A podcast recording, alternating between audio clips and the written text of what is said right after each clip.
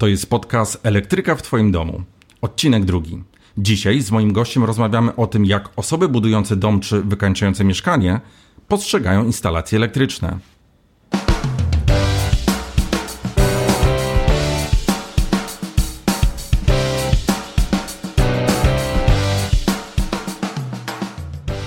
Cześć, dzień dobry, witam Cię w drugim odcinku podcastu Elektryka w Twoim domu.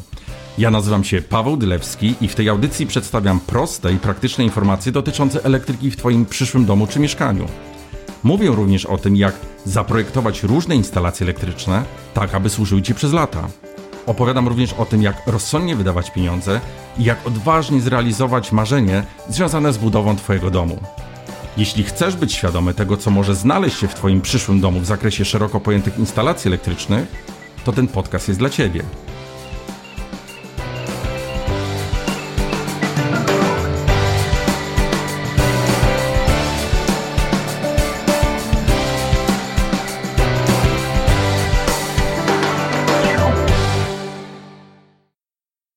Cześć, witajcie, witam Was w drugim odcinku podcastu Elektryka w Twoim domu. No powiem w ten sposób, zacznę z grubej rury, ponieważ zacznę od wywiadu. Wywiadu z Robertem Siebielskim, yy, moim przyjacielem, z którym znamy się już od paru lat. I ogólnie pomysł na ten podcast powstał po naszej rozmowie, którą przeprowadziliśmy jakieś kilka tygodni temu, kiedy Robert do mnie zadzwonił i poprosił mnie, Paweł, masz 5 minut, bo chciałem porozmawiać o elektryce. Te 5 minut przerodziło się chyba w 50 minut i tak rozmawialiśmy i rozmawialiśmy na temat różnych spraw związanych z elektryką. Robert miał wiele pytań dotyczących instalacji elektrycznych w jego przyszłym domu.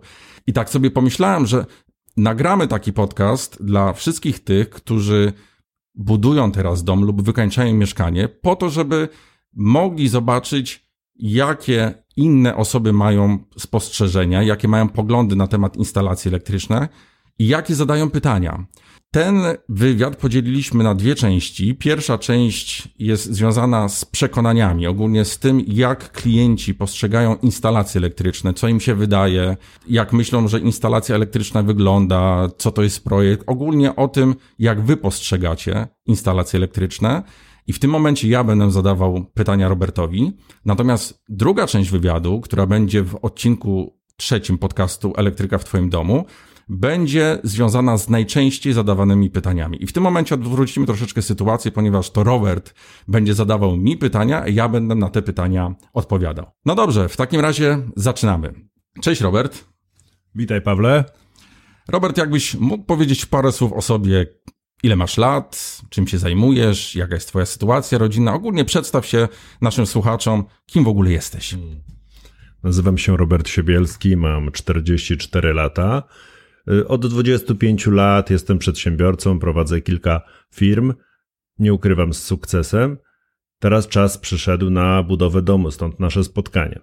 Dodatkowo, jeśli chodzi o mnie, mam szczęśliwe życie rodzinne, żonę, dziecko i czegoś mi brakuje. Czego? Oczywiście domu. Syn jest, drzewo jest, dom, zaczynamy. Super, bardzo, cię, bardzo się cieszę, że jesteś szczęśliwą osobą i, i że możesz budować swój wymarzony dom. Powiedz mi w takim razie, na jakim etapie teraz jesteś, jeżeli chodzi o budowę Twojego domu? E, słuchaj, jesteśmy w tej chwili na e, etapie stanu surowego, otwartego. Powiem, że jest to dom robiony według projektu indywidualnego. Realizujemy w nim marzenia moje i mojej żony, więc każde z pomieszczeń zostało zaprojektowane indywidualnie, tak jak sobie zaprojektowaliśmy.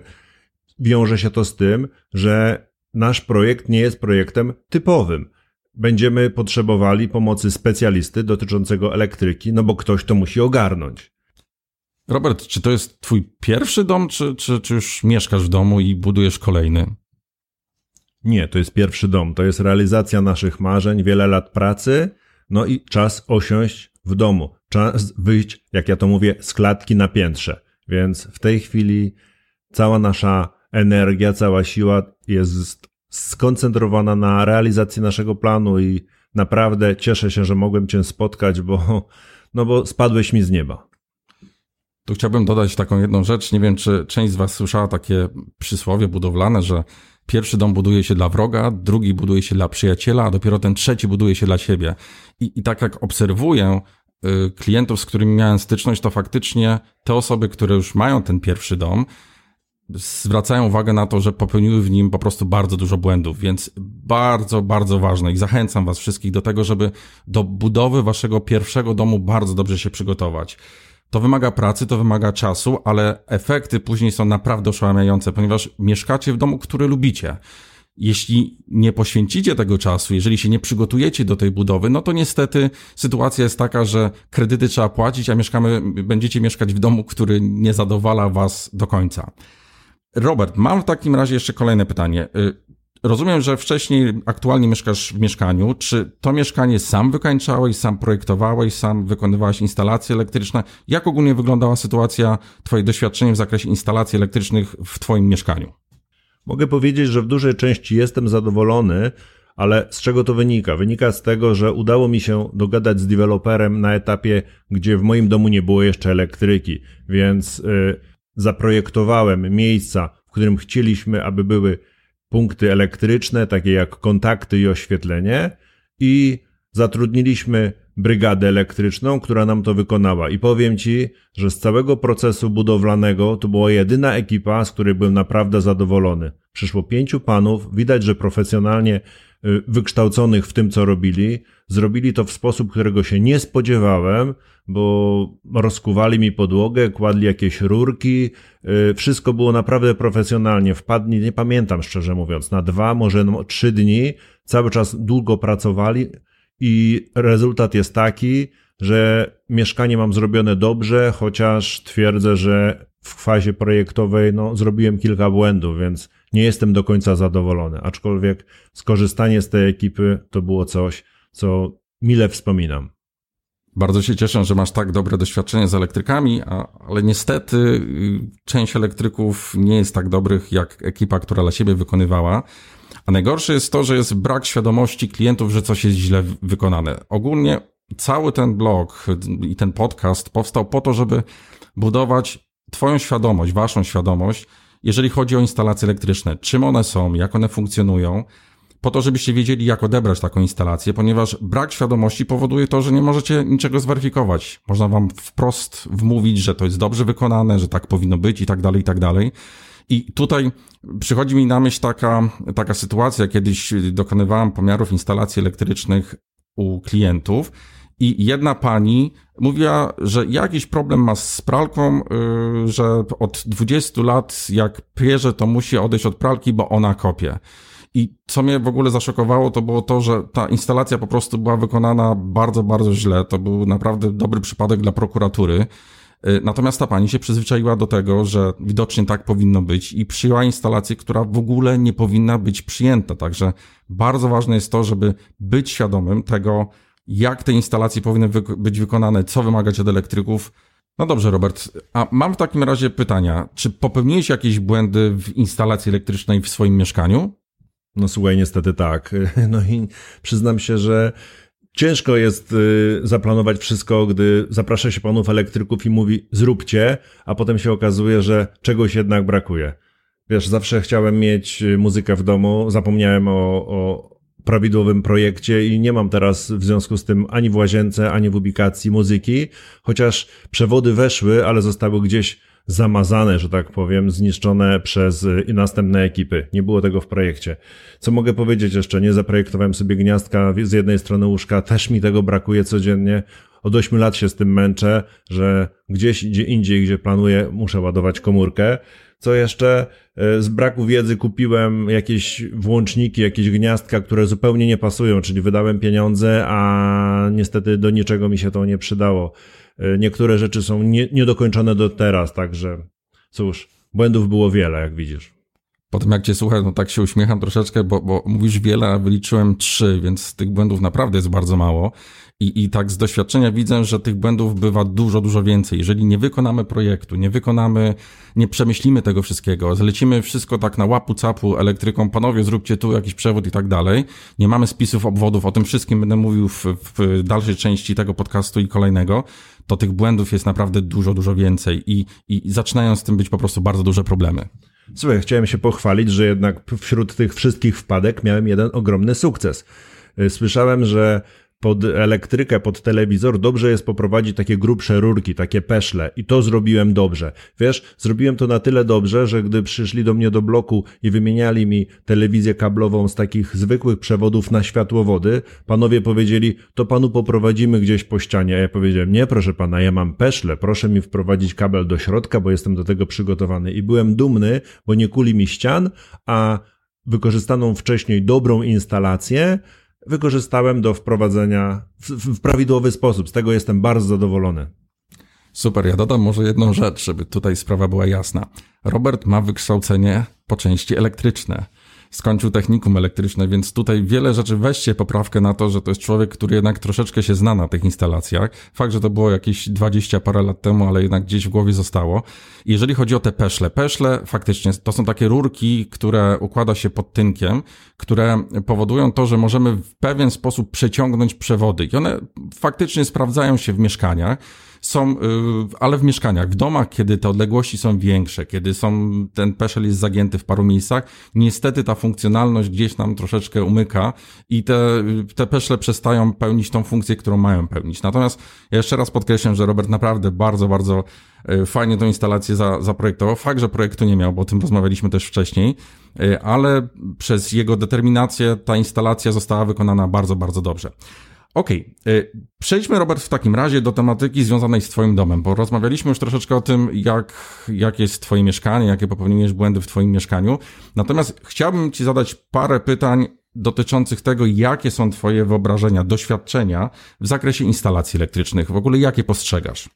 No słuchaj, co ci mogę na ten temat powiedzieć? Tak jak powiedziałeś, gdzieś kiedyś w procesie edukacji jedna z edukacji dotyczyła, y, wykształcenia, mam wykształcenie techniczne, y, w którym były elementy elektryki, więc co potrafię? No potrafię sobie sam naprawić gniazdko, które już jest y, gdzieś tam zamontowane, potrafię przyczepić jakąś nową oprawę oświetleniową.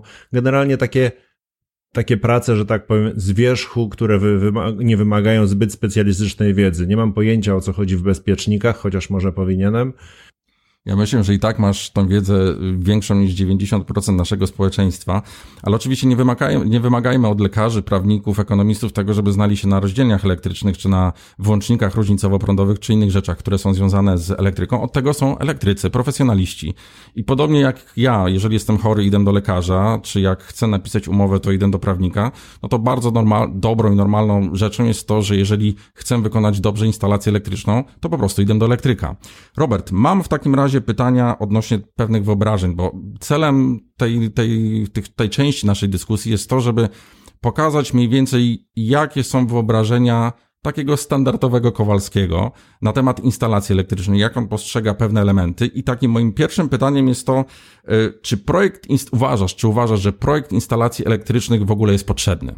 Moim zdaniem projekt jest bardzo potrzebny. Bez niego nie powinniśmy rozpoczynać żadnej pracy musimy się zastanowić, gdzie chcemy mieć oświetlenie, gdzie chcemy mieć włączniki. No, my nie musimy wiedzieć wszystkiego, natomiast z pewnością z profesjonalistą y, będziemy w stanie przekazać mu to, co jest nam potrzebne, a on ułoży to właśnie w projekt.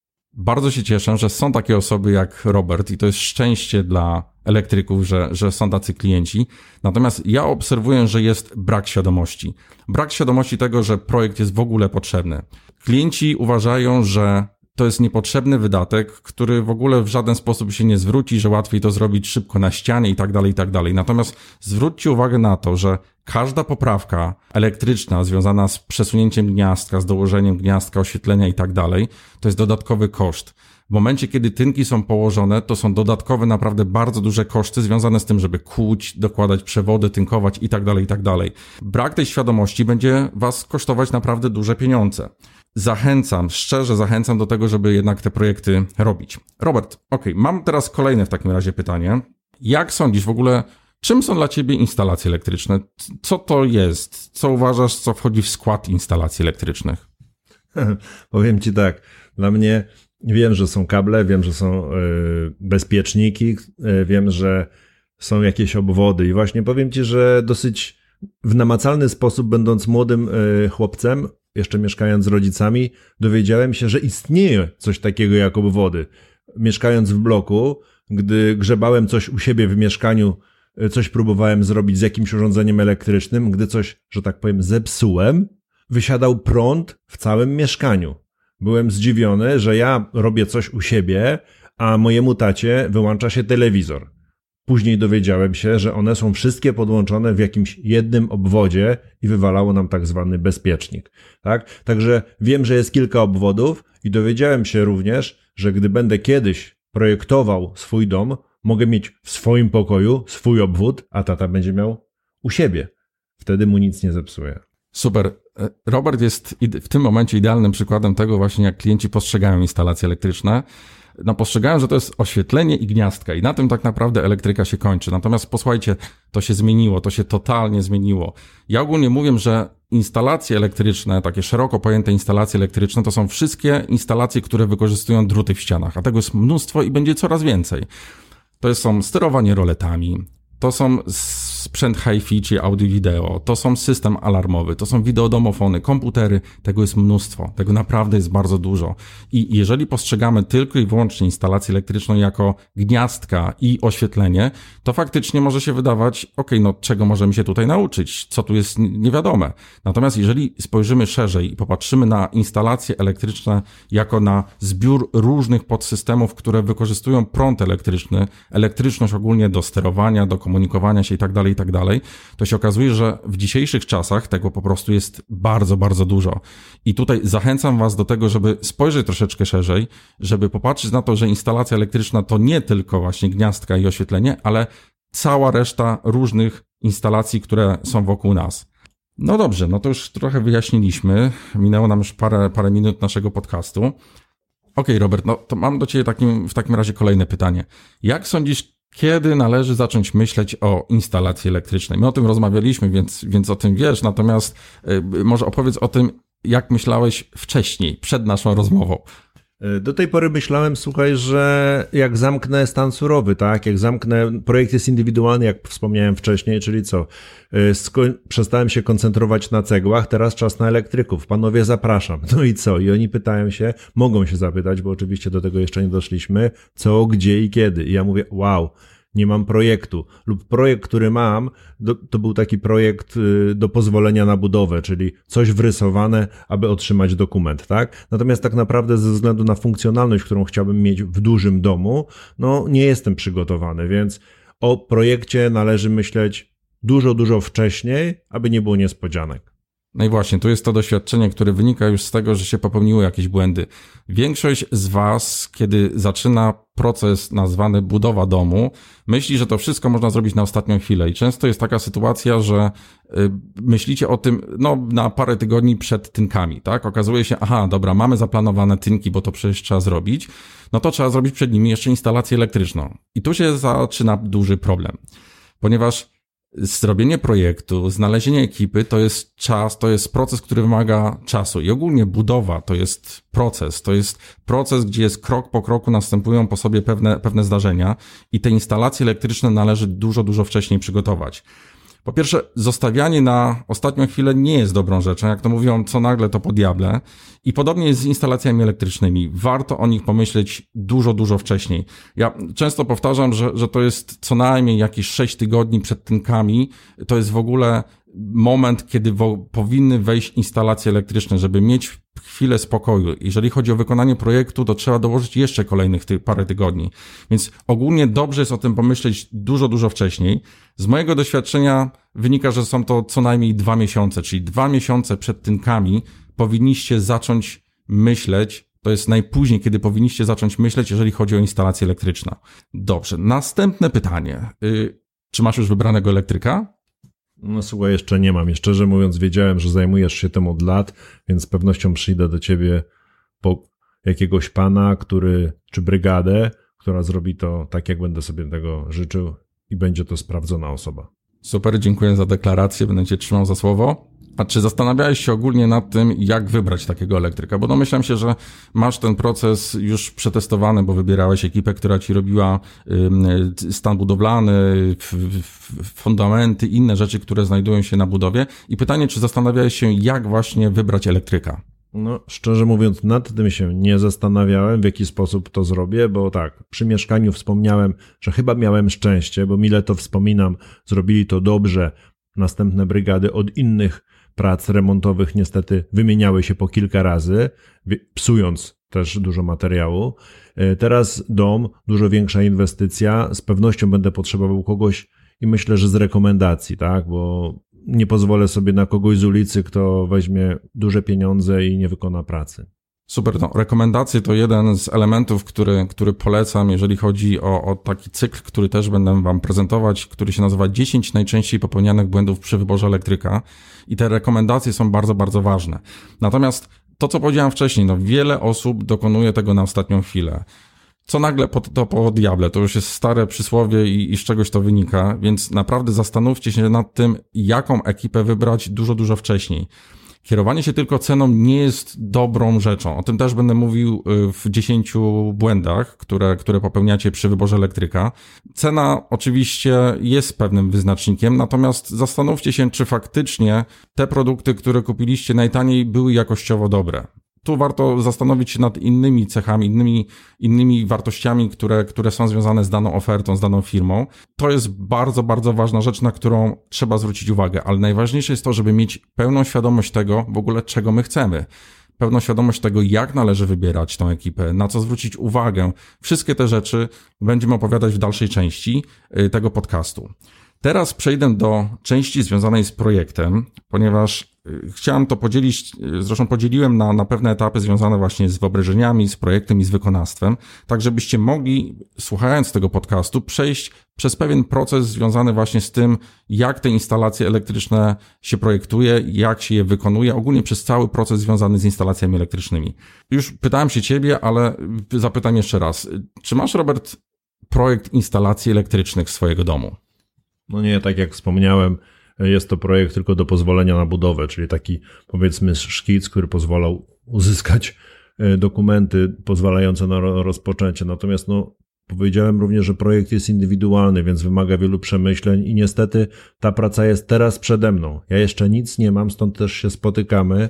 Teraz będą trwały prace nad tym, żeby taki projekt wykonać i uświadomiłem sobie, jak wiele rzeczy w moim projekcie brakowało. Przecież dom ma bramy, przecież ma domofony, te wszystkie rzeczy, o których wspomniałeś. To wszystko musi być, żaden kabelek nie może się zgubić, a jestem przekonany, że wiele osób y, po prostu o tym zapomina i potem, gdy są już tynki, gdy są już, dom jest wykończony, piękny, nagle trzeba będzie co, dziurawić ściany, robić jakieś nieszczelności i tak dalej. Chciałbym tego uniknąć. Także jak najbardziej usiądziemy do projektu.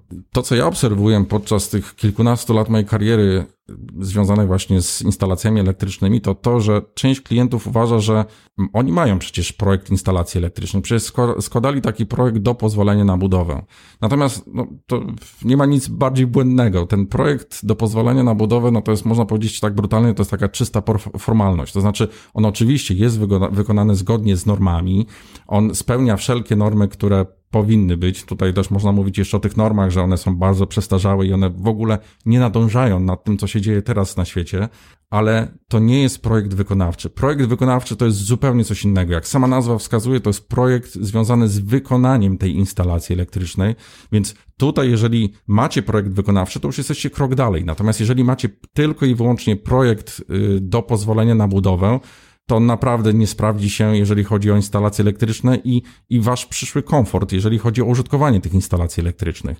Ja często mówię, że projekt wykonawczy powinien być projektem kompleksowym. Za kompleksowością idzie wiele, wiele rzeczy i o tym pewno za chwilkę też porozmawiamy, ale taki projekt kompleksowy zawiera projekt wszystkich systemów, wszystkich podsystemów, elektrycznych, które znajdują się w domu. Czyli tak jak powiedziałem wcześniej, tam jest oświetlenie, tam są gniazdka, tam jest alarm, tam jest y, telewizja, tam są komputery, telefony, domofony, wszystkie instalacje elektryczne. Bramy też są, więc y, to jest bardzo dużą zaletą, że w jednym projekcie macie wszystkie instalacje i nie ma czegoś takiego, że musicie znaleźć jakąś kartkę, która odpowiada za projekt na przykład systemu alarmowego, inna odpowiada za, za coś innego. W projekcie kompleksowym wszystko jest w jednym miejscu.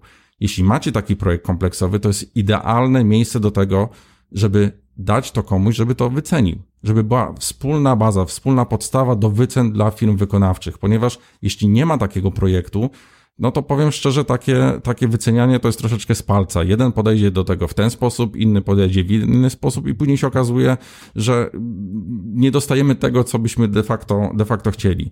To są też niższe koszty wykonania, ponieważ jeżeli zlecimy, powiedzmy, wykonanie takich różnych projektów, to te koszty projektu, de facto sumaryczne koszty będą wyższe niż koszt jednego kompleksowego projektu. No i mniejsze nerwy. To jest chyba to, co najmniej da się wycenić, ale każdy z Was albo większość z Was wie o co chodzi. No nerwy, można uniknąć mnóstwo nerwów, ponieważ jeżeli dobrze zaprojektujemy taką instalację elektryczną, wszystkie jej elementy, to będziemy dużo, dużo bardziej spokojni już na etapie wykonawstwa, czy później uruchamiania różnych systemów, niż w przypadku, kiedy będziemy to robić wszystko na ostatnią chwilę. Także ja osobiście bardzo zachęcam do tego, żeby taki projekt po prostu wykonać. No dobrze, Robert, mam w takim razie do ciebie kolejne pytanie związane z tym, czy masz już wybranego architekta wnętrz? Jakiś czas temu uświadomiłem sobie, że jest mi potrzebny, więc obecnie rozmawiamy z dwoma y, firmami, które przygotują dla nas taki projekt. Natomiast nie do końca rozumiem, bo ty pytasz się mnie o architekta wnętrz, a jesteś od elektryki. Jak mam to rozumieć? OK, chciałbym powiedzieć jedną rzecz, że projekt architektoniczny to nie jest projekt elektryczny i to jest bardzo, bardzo ważna rzecz, o której warto wspomnieć, ponieważ część z Was uważa, część z klientów, z którymi rozmawiałem, uważa, że właśnie to jest, że oni dostają przecież projekt instalacji elektrycznej od swojego architekta. Ale nie, nie, nie, tak nie jest. To jest projekt, to jest szkic tak naprawdę. Instalacje elektryczne to jest rozmieszczenie tego, rozmieszczenie punktów oświetleniowych, punktów gniazdowych. Natomiast ten projekt najczęściej nie mówi nic o tym, jakie należy doprowadzić przewody, gdzie mają być sprowadzone, jak ma być wykonana rozdzielnia elektryczna. Wszystkie te rzeczy, które są związane z takim, powiedzmy to, mięchem elektrycznym, to najczęściej te projekty architektoniczne nie uwzględniają. Dlatego bardzo dobrze jest poprosić architekta wnętrz o to, żeby dokładnie sprecyzował, czym ten projekt jest, co w nim się znajduje, tak żebyście byli w pełni świadomi tego, co w nim będzie i na koniec nie byli rozczarowani, że wam się wydawało, że to jest przecież projekt instalacji elektrycznych, a na końcu się okazuje, że de facto to nie jest. Więc warto tutaj dopytać na etapie, na etapie ofertowym czy podpisywania umowy, co wchodzi w skład, nazwijmy to, projektu instalacji elektrycznych, które wykonuje architekt tak jak powiedziałem, jest bardzo, bardzo różne i ja zachęcam ogólnie do tego, żeby wykonać profesjonalny projekt instalacji elektrycznych, ponieważ on zagwarantuje Wam to, że firma elektryczna, która przyjdzie, elektryk, który zacznie wykonywać te instalacje, będzie dokładnie wiedział, jak, ma, jak to należy zrobić, z jakich materiałów ma korzystać, jak ma wykonać rozdzielnie elektryczna. Nie będzie od tego odstępstw. I to będzie podstawa do tego, żeby ta instalacja była dobrze wykonana i żebyście ją później mogli odebrać, bo to też, projekt jest też narzędziem do tego, żeby odbierać instalację elektryczną, ponieważ na bazie tego projektu możecie dokładnie pomieszczenie po pomieszczeniu przejść, sprawdzić, czy wszystko jest wykonane zgodnie z waszymi wcześniejszymi ustaleniami. No dobrze, to przechodzimy w takim razie do kolejnego punktu związanego z wykonawstwem. Robert, mam do Ciebie takie pytanie, czy chcesz zlecić wykonanie prac elektrycznych związanych z alarmem, z oświetleniem, z gniazdkami, z podłączeniem bramy i tak dalej jednej firmie, czy wielu firmom? Wiesz co, tutaj ciekawe pytanie zadałeś, bo w sumie nie zastanawiałem się, jak to będzie w praktyce. Z jednej strony doświadczenie ogólnobiznesowe jest takie, że ktoś musi wziąć za to odpowiedzialność. Czyli tak, jeżeli jedna firma to zrobi, uniknę wielu problemów. Nie będzie zwalania winy jednego na drugiego i to by było idealne. Z drugiej strony zastanawiam się, czy taka jedna firma będzie w stanie zrobić wszystko, no bo przecież Alarm to nie byle co, musi nas chronić, tak? Są różne trudne instalacje. My w domu będziemy mieli na przykład pompę ciepła, czyli skomplikowaną jakąś instalację lub, lub inne instalacje, no, w których trzeba być naprawdę specjalistą, więc nawet nie wiem, czy istnieją takie firmy, które ogarną wszystko. To dobrze było, żebyś mi podpowiedział, sam będę wiedział, jak się szykować do tej pracy. Więc wspomniałeś jedną bardzo ważną rzecz, czyli odpowiedzialność. Ja ogólnie wyznaję zasadę kompleksowości, to znaczy wychodzę z założenia, że taka firma, która kompleksowo wykonuje instalację elektryczną, bierze za nią stuprocentową odpowiedzialność. Mamy takie hasło, jedna firma, jeden opiekun, jedna odpowiedzialność, wiele możliwości. I to jest bardzo, bardzo ważne, bo jeżeli wybierzesz kilka firm, weźmiesz oddzielnego elektryka od oświetlenia i gniazdek, kolejną firmę od alarmu, kolejną od na przykład telewizji, kolejną od komputerów, to efekt jest taki, że na koniec dnia masz 4, 5 czy nawet 10 firm, które nie zawsze się ze sobą dogadują, i później, jeżeli przestaje coś działać, no to jedyną osobą, która jest na końcu jest poszkodowana, jesteś ty i twoja rodzina, bo zaczyna się typowa psychologia. To nie ja, to nie moja wina, to on zrobił źle, tamten mówi inaczej, bo to kolejny i tak dalej, i tak dalej. I efekt jest taki, że faktycznie ta, ta odpowiedzialność jest straszliwie rozdrobniona i nie wiadomo w ogóle, o co i kogo, y, kogo ścigać o, o dane, daną, daną rzecz, która wydarzyła się w Twoim domu. Więc ja jestem olbrzymim zwolennikiem kompleksowości i oczywiście są firmy, które kompleksowo wykonują takie, takie instalacje i pod względem wykonawstwa, i pod względem y, systemów czy instalacji elektrycznych, które, y, które wykonują, więc jak najbardziej tak. Powiem tak, że sumaryczny koszt, najczęściej z tego co obserwuję, sumaryczny koszt takich prac związanych z wykonawstwem instalacji elektrycznych przez, wykonywanych przez różne firmy, czyli ktoś oddzielnie wykonuje oświetlenie gniazdka, ktoś oddzielnie wykonuje alarm, ktoś oddzielnie wykonuje sterowanie roletami i tak dalej, i tak dalej, jest zazwyczaj większy niż taki koszt oferty kompleksowej, ponieważ każdy z tych elektryków musi mieć jakąś marżę, musi troszeczkę zarobić, więc jak to się wszystko sumuje, to efekt jest taki, że te koszty są najczęściej większe. Jedna odpowiedzialność zależy od kompleksowego wykonawstwa. Ja bardzo, bardzo zachęcam Ciebie do tego, żebyś szukał firm, które kompleksowo to wszystko wykonają, bo to będzie, odbije się później na Twoim bezpieczeństwie, na Twoim spokoju, ogólnie na Twoim życiu, że nie będziesz się musiał martwić, do kogo masz dzwonić, bo po prostu będziesz dzwonić do jednego właściciela firmy, czy jednego kierownika projektu, który zajmował się Twoim domem i po prostu informował go, nie wiem, Panie Marcinie, Panie Pawle, coś się popsuło i koniec. I to jest naprawdę gigantyczna zaleta tego, jak wybierze się firmę, która wykonuje to wszystko kompleksowo. Więc jeszcze raz zachęcam do kompleksowego wykonawstwa i, i naprawdę zastanowienia się nad tym, czy wybierać kilka firm, czy jedną kompleksową, która, która wykona wam to wszystko y, spójnie i, i całościowo powiedz mi, jak chcesz weryfikować, czy instalacja elektryczna dobrze została wykonana? Czy, czy to jest wykonane zgodnie z projektem, czy te przewody, które są na ścianach, są ułożone tak, jak powinny. Jak ogólnie chcesz to weryfikować? przepraszam, jak chcesz to weryfikować? Ble, to pierwsze, pierwsze, pierwsze mówienie, jednak ten drugi podcast, jednak ten język jeszcze się plącze, także mam nadzieję, że wybaczycie mi te ble, różne rzeczy, ale staram się jak mogę, więc zadam jeszcze raz pytanie. Jak chcesz weryfikować, czy instalacja jest dobrze wykonana? O, teraz było lepiej. Słuchaj, e, tu znowu zdziwiłeś mnie pytaniem czy jest dobrze wykonana. No, po prostu elektryka albo działa, albo nie działa. Ja rozumiem, że no, nie mogą kable leżeć gdzieś na wierzchu, czy, czy nie mogę się o nie potykać, ale jak są schowane w ścianie e, i światło się świeci, czy brama się podnosi, no to chyba jest wszystko ok, nie? Masz jakieś inne zdanie na ten temat? Wiesz, to, z, z, tym to bywa różnie. Wiesz, to, że się podnosi, to, to fajnie, natomiast to, że na przykład masz za małe przekroje przewodów doprowadzone, tak? To, co mówiłeś wcześniej, że y, miałeś tą przyjemność u siebie w, w swoim mieszkaniu, jeszcze u swoich rodziców, że jak zrobiłeś jakieś zwarcie, to ci wysiadało całe, całe zasilanie w całym domu i tak dalej. To oznacza, to znaczy, inaczej, to nie jest dobre to, to jeżeli na przykład macie taką sytuację u siebie w domu, że włączycie czajnik i włączycie na przykład jeszcze, nie wiem, toster i wam strzelają tak zwane korki, to, to oznacza, że ta instalacja jest źle wykonana. To nie jest normalne. To, to właśnie y, celem tego serwisu jest to, żeby budować tą świadomość, że, że, to, że są pewne rzeczy, które mogą wam się wydawać od lat, że to jest po prostu normalne. To tak jak było z tą panią, którą kopała pralka przez 20 lat i uważała, że to jest normalne. To podobnie jest tutaj z instalacjami. Jeżeli nie macie tej świadomości, jak ona powinna być wykonana, jakie powinna mieć elementy, jakie przewody, to są proste rzeczy. To naprawdę tu nie trzeba jakiejś magisterki robić, żeby, żeby to wszystko zrozumieć.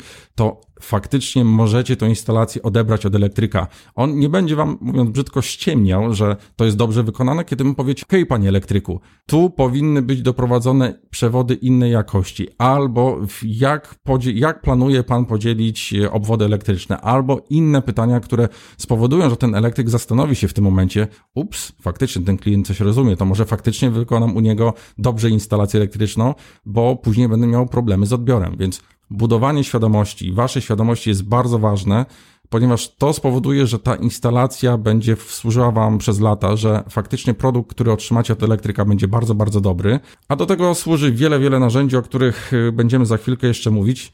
I mam pytanie, czy to Ci jakoś, Robert, przybliżyło właśnie to, jak tą instalację powinieneś odebrać od Twojego przyszłego elektryka? No, to, co mi przychodzi do głowy w tej chwili, to może jakieś, y, nie wiem, certyfikaty. Mówisz, że kable mogą być, nie wiem, za cienkie albo złej jakości. No, szczerze mówiąc, myślę, że mogę sobie z tym nie poradzić sam, bo, no bo tak, mogę wziąć od niego jakieś faktury zakupowe, gdzie mi pokaże, co to był za kabel, tak? No ale nie jestem jednak profesjonalnym elektrykiem, więc nie będę w stanie ci powiedzieć, czy to, co on mi pokazuje, jest dobre. Także chyba będę miał z tym kłopot. Okej. Okay. No i tu wracamy znowu do tematu projektu, tak? Jeżeli masz projekt, to to wszystko jest dużo, dużo prostsze.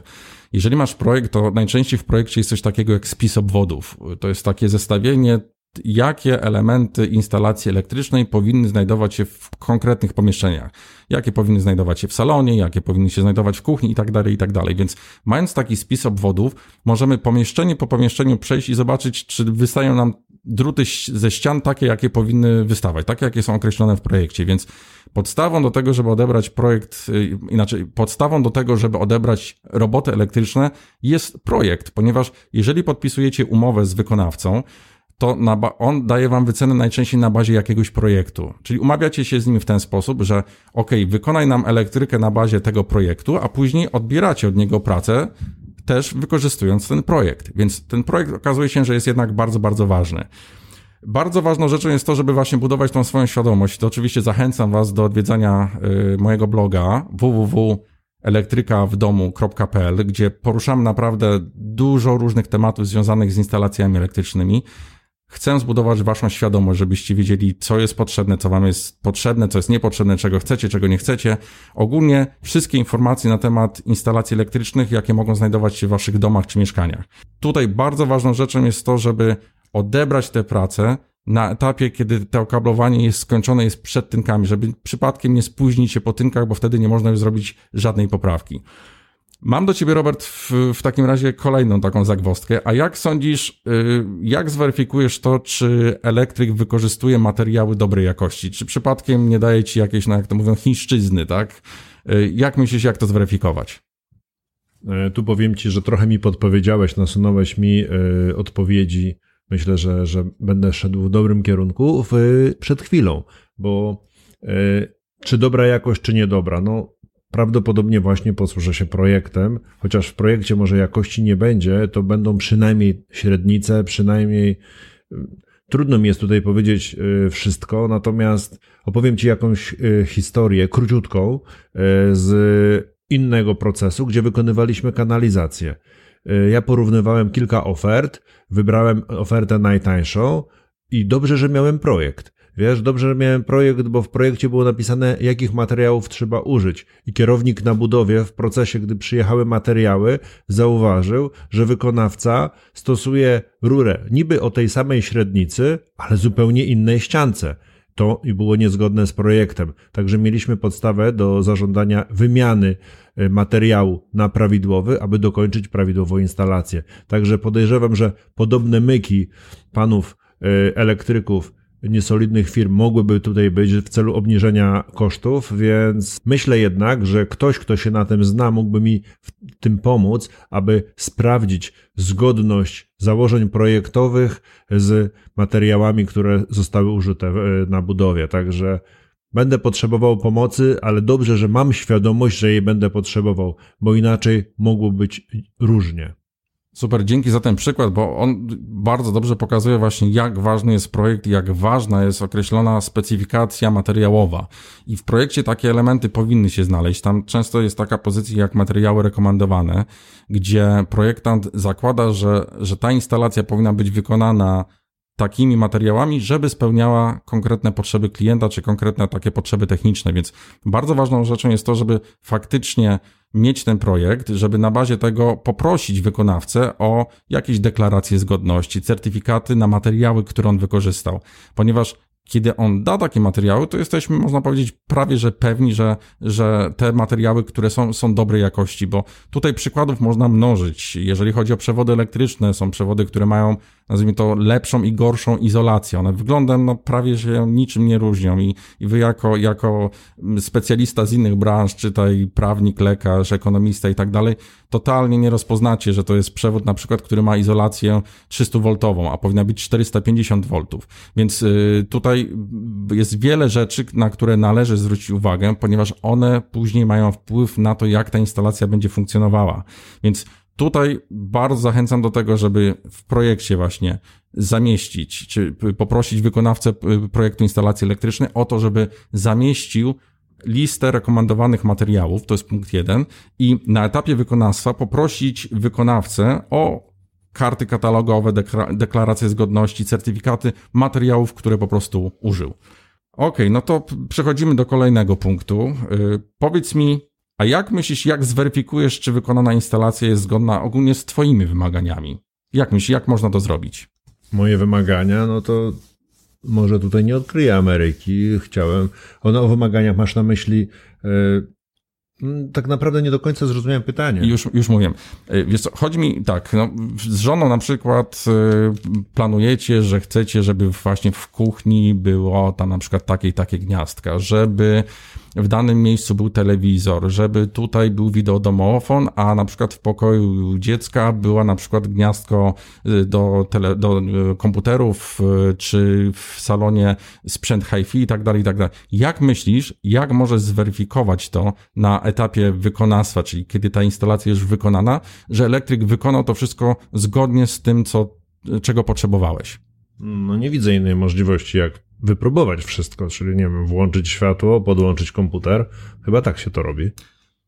No, na etapie, kiedy, no, oczywiście tak jest najlepiej, tylko pytanie, jeżeli masz już tynki, to wszystko funkcjonuje, to czy wtedy poprawki będą cię dużo kosztowały, czy mało? No masz rację, tutaj w jakiś sposób, mm, nie wiem, może można sobie to zapewnić w jakiejś umowie albo e, dzięki no chyba umowie właśnie, y, zapewnić sobie, żeby jeżeli coś nie będzie działało, że na przykład y, będzie na to gwarancja lub jakaś y, rękojmia, czy, czy inny sposób zabezpieczenia, aby nie było kosztów po mojej stronie. To oczywiście jak najbardziej tak, tylko to może w ten sposób, że to jest krok dalej, tak? Bo chyba nikt nie lubi się ciągać po sądach, tak? I dochodzić, że to są moje prawa i tak dalej, i tak dalej. Więc ja może podpowiem w ten sposób, że Weryfikację tego, czy instalacja elektryczna została dobrze wykonana, należy wykonać przed tynkami. Wtedy, kiedy można jeszcze coś poprawić. Tworzycie coś takiego jak protokoły odbioru, protokoły częściowego odbioru prac czy końcowego odbioru prac. I to jest taka kartka, na której spisuje się wszystkie uwagi, które mamy co do instalacji elektrycznej.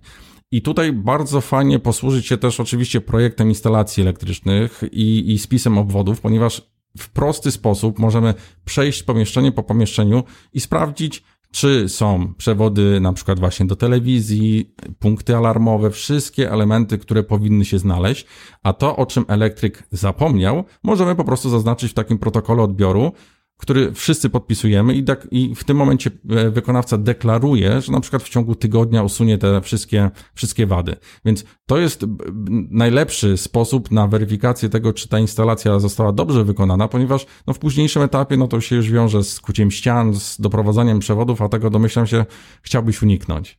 Jasne, że chciałbym uniknąć i teraz mi uświadomiłeś jedną rzecz. Powiedziałeś, że w pewnym momencie przy odbiorze gdzieś tam umówimy się, coś mi ma ktoś zadeklarować, ale przecież jesteśmy w jakimś etapie prac. Czy podpowiesz mi w którymś y, momencie, jak sporządzić może dobrą umowę, albo co w niej ma być, albo może nie wiem, czy to są następne jakieś etapy naszej rozmowy. Już mówię.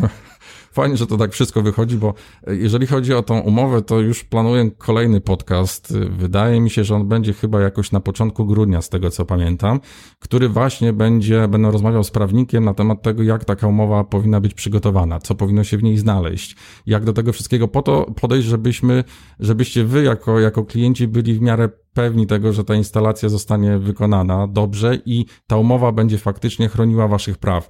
Bo jednym z podpunktów z, związanych z dziesięcioma błędami, jakie popełniacie przy wyborze elektryka, jest właśnie to, że wybieracie firmy, które nie mają umowy. Ale o tym to opowiem jeszcze trochę, tro, troszkę później, więc myślę, że tutaj ten temat gdzieś tam ruszymy. Ja jeszcze pod, podpowiem jedną rzecz. Bardzo fajnie jest ym, przy takich odbiorach, czyli weryfikacji tego, czy ta instalacja została dobrze wykonana, skorzystać z pomocy specjalisty typu albo inspektora nadzoru, instalacji elektrycznych, albo ogólnie kierownika budowy. Większość z Was ma takie osoby u siebie na budowie i to są osoby, które no już mają pewno dziesiątki, jak nie setki budów y, y, zrealizowanych, więc mają bardzo duże doświadczenie, więc one na pewno Wam pomogą w tym, żeby tą instalację zweryfikować, żeby te prace odebrać, bo to jest bardzo ważny etap. Ogólnie odbiór instalacji elektrycznej jest bardzo, bardzo ważnym etapem, w którym jeżeli coś przeoczymy, to niestety będzie skutkowało jakimiś poprawkami, dodatkowymi pracami na dalszych etapach, a to będzie generowało niepotrzebne koszty, nerwy i tak dalej. Więc warto zwrócić na to uwagę, że odbiór instalacji elektrycznej jest bardzo ważnym krokiem i jeżeli chodzi o proces budowy domu, należy na to zwrócić bardzo, bardzo uwagę. No dobrze, Robert, to y, takie ostatnie pytanie już na, w tym podcaście. Jak sądzisz, co powinieneś otrzymać od elektryka na koniec prac? Hmm, co mogę otrzymać? No klucze jeszcze nie, bo to chyba za wcześnie, ale yy, co, jakąś gwarancję, tak? No może być flaszka jeszcze. No nie, nie, to, to może, może być, może być. Zależy jaka jeszcze, y, bo taki wymagający troszkę jestem. Słuchaj, co mogę otrzymać od nich? Tak szczerze mówiąc, nie do końca mam pojęcia. No, jakąś gwarancję, y, że, że zrobili to dobrze, powinni się podpisać, ja powinien mieć możliwość to wyegzekwować, aczkolwiek, no nie wiem, czy, czy gwarancja mnie satysfakcjonuje sama w sobie. Być może jest coś, czego nie wiem. No, jest parę rzeczy, o których bym Ci teraz chciał podpowiedzieć. Jeżeli chodzi o te sprawy gwarancyjne, no to umowa już sama narzuca, znaczy oczywiście jeśli masz podpisaną umowę, to na, umowa narzuca już sprawy gwarancyjne i sprawy związane z rękojmem, więc tutaj bardzo, bardzo ważna rzecz jest to, żeby tą umowę mieć podpisaną. I w którymś z odcinków, wydaje mi się, że chyba w, w grudniu, z tego co pamiętam, mam zaplanowany taki właśnie wywiad z prawnikiem, gdzie będziemy rozmawiać o tym, jak taka, jak ogólnie przygotować umowę z wykonawcą, tak, żeby nasze, czyli wasze w tym momencie prawa były chronione, żeby ona też nie była jednostronna, żeby to elektryk spokojnie też podpisał. Ogólnie przygotowanie takiej, takiej umowy, która będzie chroniła wasze i waszego wykonawcy prawa. Więc tutaj, jeżeli chodzi o sprawy związane z gwarancją, no to tutaj zachęcam do tego, żeby była ta, była ta umowa. Bardzo ważnym elementem, o którym należy pamiętać, jest dokumentacja zdjęciowa. To jest to jest coś, co naprawdę może się wydawać no, czymś takim błahym, ale to bardzo często ratuje mówiąc brzydko, dupę, tak, i wykonawcy, i klientowi. To jest taka dokumentacja zdjęciowa, to nie jest parę zdjęć, to jest często kilkaset zdjęć. Na przykład dla domu takiego 200-metrowego, domu, który ma powierzchnię 200 metrów kwadratowych, to tych zdjęć, tej dokumentacji zdjęciowej odnośnie instalacji elektrycznych to było, powinno być około 200 zdjęć. Naprawdę każde pomieszczenie powinno mieć kilkanaście, około dwudziestu zdjęć, więc tutaj zwróćcie uwagę na to, że ta dokumentacja, którą, te materiały, które macie otrzymać od wykonawcy, żeby zawierały właśnie y, dokumentację zdjęciową. No, w dzisiejszych czasach to jest coś przesyłane albo na płycie, albo udostępniane, albo na pendrive i tak dalej. Zapominamy już zupełnie o takich zdjęciach y, standardowych. Natomiast warto, y, no, bardzo zachęcam Was do tego, żeby zwrócić na to, na to uwagę. Czy tu, Robert, masz jakieś pytanie? Tak, tutaj właśnie chciałem powiedzieć, że taka dokumentacja, którą zrobiłem sobie w mieszkaniu, w którym obecnie mieszkam, uratowała mi życie. Jak wspomniałem, kiedyś byłem bardzo zadowolony, że panowie położyli mi peszel, yy, czyli ten przewód, w którym potem wprowadziłem e, instalację światłowodową. Ale ponieważ ten przewód był dosyć długi i miał kilka zagięć, niestety w jednym miejscu ta instalacja była za bardzo zagięta i panowie nie mogli przeprowadzić tego przewodu e, swojego mimo, e, mimo tej, e, mimo, mimo chęci powiedzmy, tak? Więc na co wpadłem? Na co wpadłem? Wpadłem na to, że mam instalację, mam, e, przepraszam, nie mam instalację, tylko mam dokumentację fotograficzną, gdzie mogę przejrzeć, jak ten peszel został poprowadzony, bo nigdy nie zwracałem na to uwagę, jak sobie leci rurka, po prostu było i, i, i byłem zadowolony. I okazało się, że zauważyłem, że na pewnym zagięciu ściany, na, za, na zakręcie, że tak powiem, peszel jest zagięty, więc byłem go przede wszystkim w stanie bardzo precyzyjnie zlokalizować. Nie mam kabli po wierzchu ściany, ale byliśmy w stanie tak naprawdę zrobić dosyć inwazyjną operację. Otworzyliśmy ścianę na rogu, wymierzyłem dosłownie 30 centymetrów nad podłogą, widziałem, że peszel jest zamknięty, otworzyliśmy, naprawiliśmy tą rzecz. Trochę brudno było przez jeden czy dwa dni, natomiast nie mam kabli na wierzchu i ta dokumentacja nam w tym pomogła. Odtworzyliśmy przebieg trasy kablowej, trafiliśmy z chirurgiczną precyzją i jestem z tego zadowolony, więc wiem o czym mówisz. Super, bardzo się cieszę i coraz częściej na budowie się spotyka y, firmy, które wykonują dokładnie właśnie taką dokumentację zdjęciową.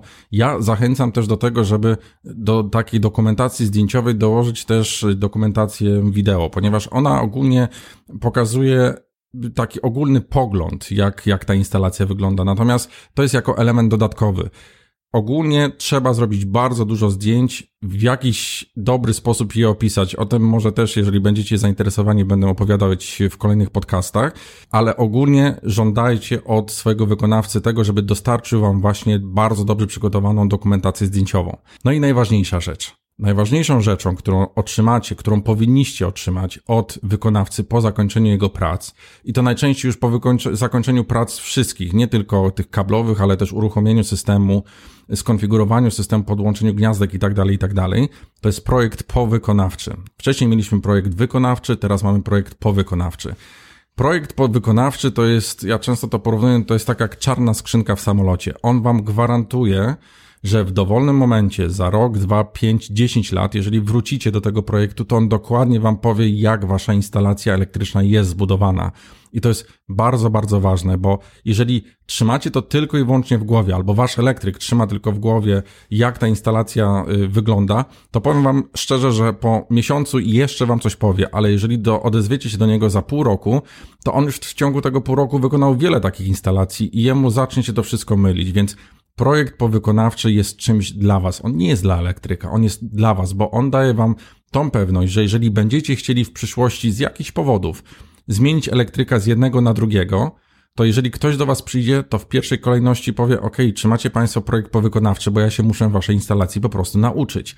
Więc to jest chyba najważniejsza rzecz, którą powinieneś otrzymać po wykonaniu instalacji elektrycznych od elektryka, właśnie projekt powykonawczy. Czy masz jeszcze jakieś pytania? Myślę, że będę miał do ciebie wiele pytań, bo zauważyłem, że na większość twoich pytań ja mam po prostu takie mi się rodzą pytania. Ty zadajesz mi pytania, a ja to ja czegoś nie wiem i wychodzi na to, że tak naprawdę nie wiem wiele. E, cieszę się, że spotkaliśmy się, że będę miał ciebie e, pod ręką, że tak powiem, w procesie wykonywania instalacji elektrycznych w moim domu, bo z pewnością dzięki Twojemu już ponad dziesięcioletniemu, jak wiem, doświadczeniu e, uniknę problemów. Nie zapomnę tego tak zwanego jednego kabelka, który będzie mi spędzał sen z powiek. Jeśli to będzie jeden kabelek, to będzie naprawdę wielki sukces. E, także oczywiście życzymy sobie tego, żeby i ja sobie życzę, żeby mógł tak Robertowi pomóc i Robert pewno sobie też życzy, żeby ta instalacja była tak wykonana, że zabrakło tylko i wyłącznie jednego kabla. Ale oczywiście u większości z Was, kiedy, inaczej, u większości z klientów, z którymi rozmawiam, właśnie po takiej rozmowie pojawia się więcej pytań. Takim, no, tu rower właśnie pokazuje, że chce chce coś jeszcze powiedzieć, więc oddaję głos. A powiedz mi jeszcze, bo teraz już tak siedzimy w domu, mówimy o domu, a mi się zaczęły teraz pytania jeszcze szersze. Powiedz mi, czy na etapie domu muszę projektować instalację ogrodu?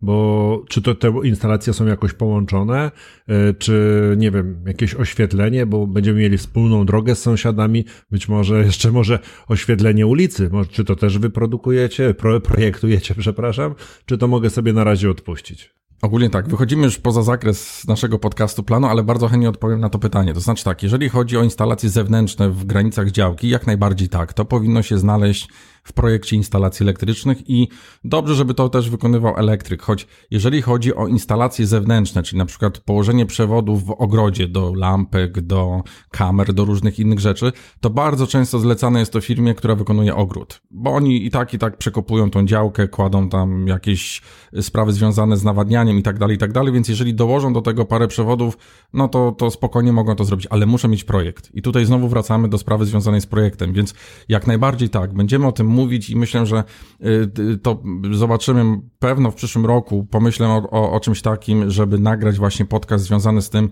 jak zaprojektować instalacje zewnętrzne, tak żeby służyły nam przez lata, żeby to nie tylko w domu funkcjonowało fajnie, ale też poza domem. Natomiast odpowiadając na dalszą część Twojego pytania, jeżeli chodzi o ulicę i, i tak dalej, to to już raczej wchodzi w zakres, y, poza zakres y, wykonawstwa firm elektrycznych. No ale powiem Ci, to jest moja prywatna ulica. Tam mamy pięć domów i droga jest moja, więc ktoś to musi zrobić. No, myślę, że na ten temat możemy porozmawiać, natomiast tak w standardowym rozwiązaniu to, to, to, to raczej w klient, inaczej, elektryka klienta kończy się na liczniku energii elektrycznej, ponieważ wszystko, co jest wcześniej, jest najczęściej własnością zakładu energetycznego i to on już we własnym zakresie wykonuje instalacje i tak dalej, i tak dalej. Więc y, tutaj będziemy ogólnie w tym podcaście, w sumie fajnie się składa, bo to jest drugi odcinek tego podcastu, czyli podcastu Elektryka w Twoim domu. Będziemy rozmawiać o instalacjach elektrycznych w granicach Twojego domu, Twojego mieszkania, tylko i wyłącznie, za które Ty jesteś de facto odpowiedzialny, tak? Nie będę tutaj opowiadać o tym, jaki powinien być transformator, czy jakiej wielkości powinny być kable ogólnie zasilające ulice i tak dalej, bo to są informacje, które domyślam się, że Was mało interesują, natomiast to, jaki przewód doprowadzić od y, złącza kablowego do Waszej rozdzielni, y, czyli tak zwane przyłącze, no to myślę, że to będą informacje, które będą Was interesowały. Ale o tym oczywiście jeżeli będziecie mieć takie pytania, to zachęcam Was do tego, żeby zadawać je na, y, na naszym na blogu elektrykawtwoimdomu.pl. A w tym momencie chyba zaczniemy już kończyć naszą rozmowę. Także bardzo chciałem podziękować. Tak, okej, okay. kończymy, kończymy. Y, podziękować Robertowi za rozmowę. Bardzo chciałbym też Was podziękować, że dotrwaliście do tego momentu. Jeszcze coś Robert tutaj pokazuje, więc od razu oddaję głos. Wiesz co, słuchaj, no powiem ci tak, zostawiasz mnie z niedosytem. No bo tak, coś mi powiedziałeś, zadałeś mi mnóstwo pytań, mam pewną świadomość, jestem pobudzony do tego, że wiele nie wiem. Yy, powiedz mi, czy pomożesz mi, czy będę mógł się sam, bo wiem, że nie zawsze mogę cię wyrwać, że tak powiem, z twojej yy, pasji, pracy i tak dalej. Czy będziemy mieli jakąś checklistę? Czy opracujesz coś takiego, żebym ja wiedział punkt po kroku, czego mi brakuje, co powinienem wiedzieć? No bo y, zostawiasz mnie teraz tak do następnego odcinka, a ja chciałbym się przyszykowywać, bo stan surowy czeka. No dobrze. Wymagasz ode mnie tego, żebym zdradził parę moich sekretów. Oczywiście tak. Będę przygotowywał, już sobie są przygotowane materiały związane z to będzie się nazywało instalacje elektryczne pokój po pokoju. I w, w, tych artykułach będę dokładnie mówić o tym, jakie elementy instalacji elektrycznych powinny znaleźć się w każdym z pokojów, jakie powinny być w kuchni, co powinno się w kuchni znaleźć, co powinno się znaleźć w salonie, co powinno znaleźć się w sypialni, łazience i tak dalej. Więc to jest jedna rzecz. Druga rzecz, na pewno uważam, że pomoże Ci ym, 10 najczęściej popełnianych błędów przy wyborze elektryka. Tam jest naprawdę bardzo dużo informacji, o które pytałeś zresztą dzisiaj. I taka była idea kiedy tworzyłem ten, ten artykuł, czy tą serię artykułów, więc tutaj odpowiem w ten sposób. Zapraszam Cię w miarę często, jak najczęściej, do tego, żebyś odwiedzał stronę www.elektrykawdomu.pl. Tam znajdziesz bardzo dużo informacji na temat tego, jak ta instalacja powinna być wykonana. No i oczywiście do odsłuchania podcastów. I podcasty będą w różnych miejscach, będzie na pewno na iTunes, ale to wszystko jeszcze jest w trakcie prac, więc, więc y, jeszcze nie mogę powiedzieć wszystkich szczegółów. Także mam nadzieję, że zachęciłem Cię w ten sposób do tego, żebyś odwiedzał często mój blog. No i z pewnością będę i naprawdę nie mogę się doczekać do tego, aby moja wiedza była uzupełniona o to, czego nie wiem, aby w tym domu mieszkać tak, jak sobie zaplanowałem, szczególnie jeśli chodzi o tą instalację, o której rozmawiamy. Robert, ja myślę, że tak, no to, tak wyszło, w ogóle samo wyszło, także y, drugi podcast, który będziemy nagrywać wspólnie, to ty będziesz mi zadawał pytania. Więc myślę, że na część tych pytań, które teraz masz w głowie, y, no mam nadzieję na wszystkie będę potrafił odpowiedzieć, a, a część na pewno zamieścimy na blogu y, w tym podcaście, więc to już niebawem. No cieszę się, z pewnością będę miał wiele pytań, wiele przemyśleń przyjdzie mi do głowy po naszej dzisiejszej rozmowie. I cóż, nie mogę się doczekać. Posłuchajcie, i tym oto miłym akcentem zakończyliśmy nasz drugi podcast. Y, bardzo się cieszę, że, że byliście tutaj razem z nami, że jesteście razem z nami.